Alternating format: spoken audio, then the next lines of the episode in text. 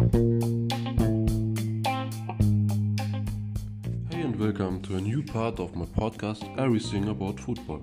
I'm Ben and today I will tell you the story about the first green professional football club.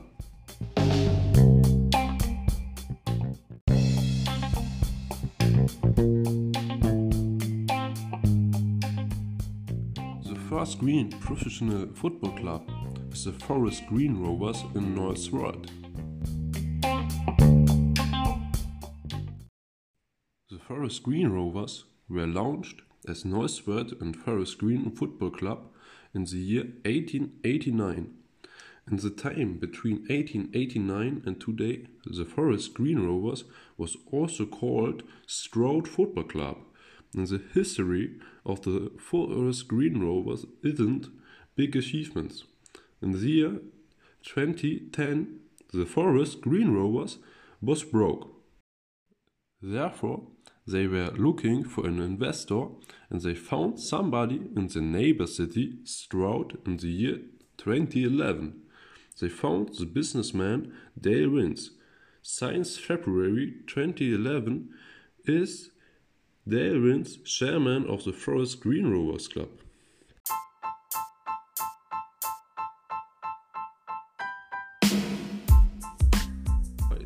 An interesting reader. Firstly, he had broken the school off. After them, he lived a few years as a hippie. In the middle of the 90s, he launched his first own company in the wind energy sector. His company made him rich and brought him the Order of the British Empire.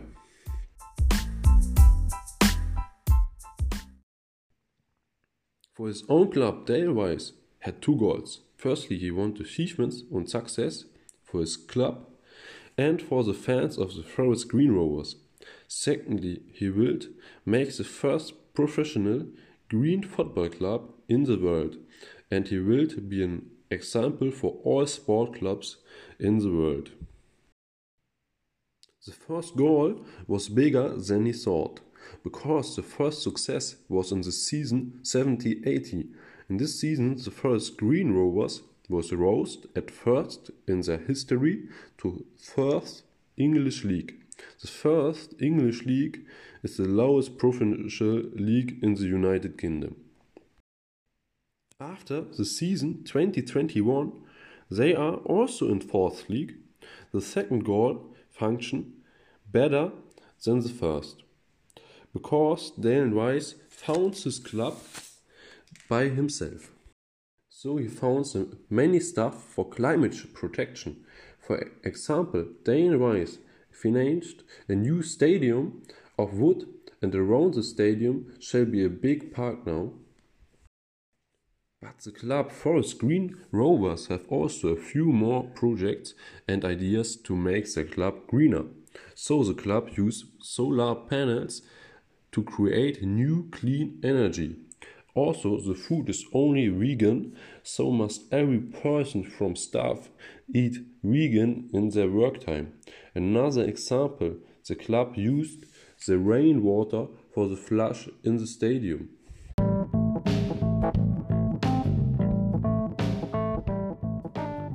The Forest Green Rovers Football Club has three big achievements for the climate protection. Firstly, the Vegan Association declared the club at the first vegan football club in the world.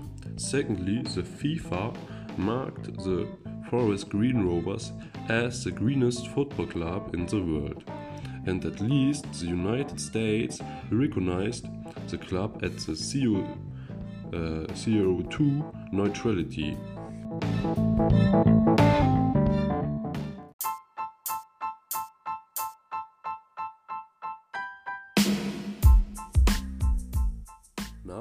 Will tell you a little bit about my opinion about the first professionally green football club.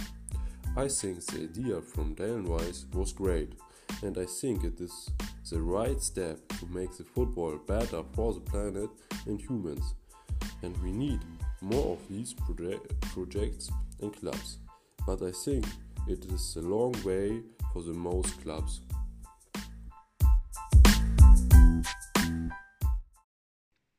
Now I'm finished with my podcast today.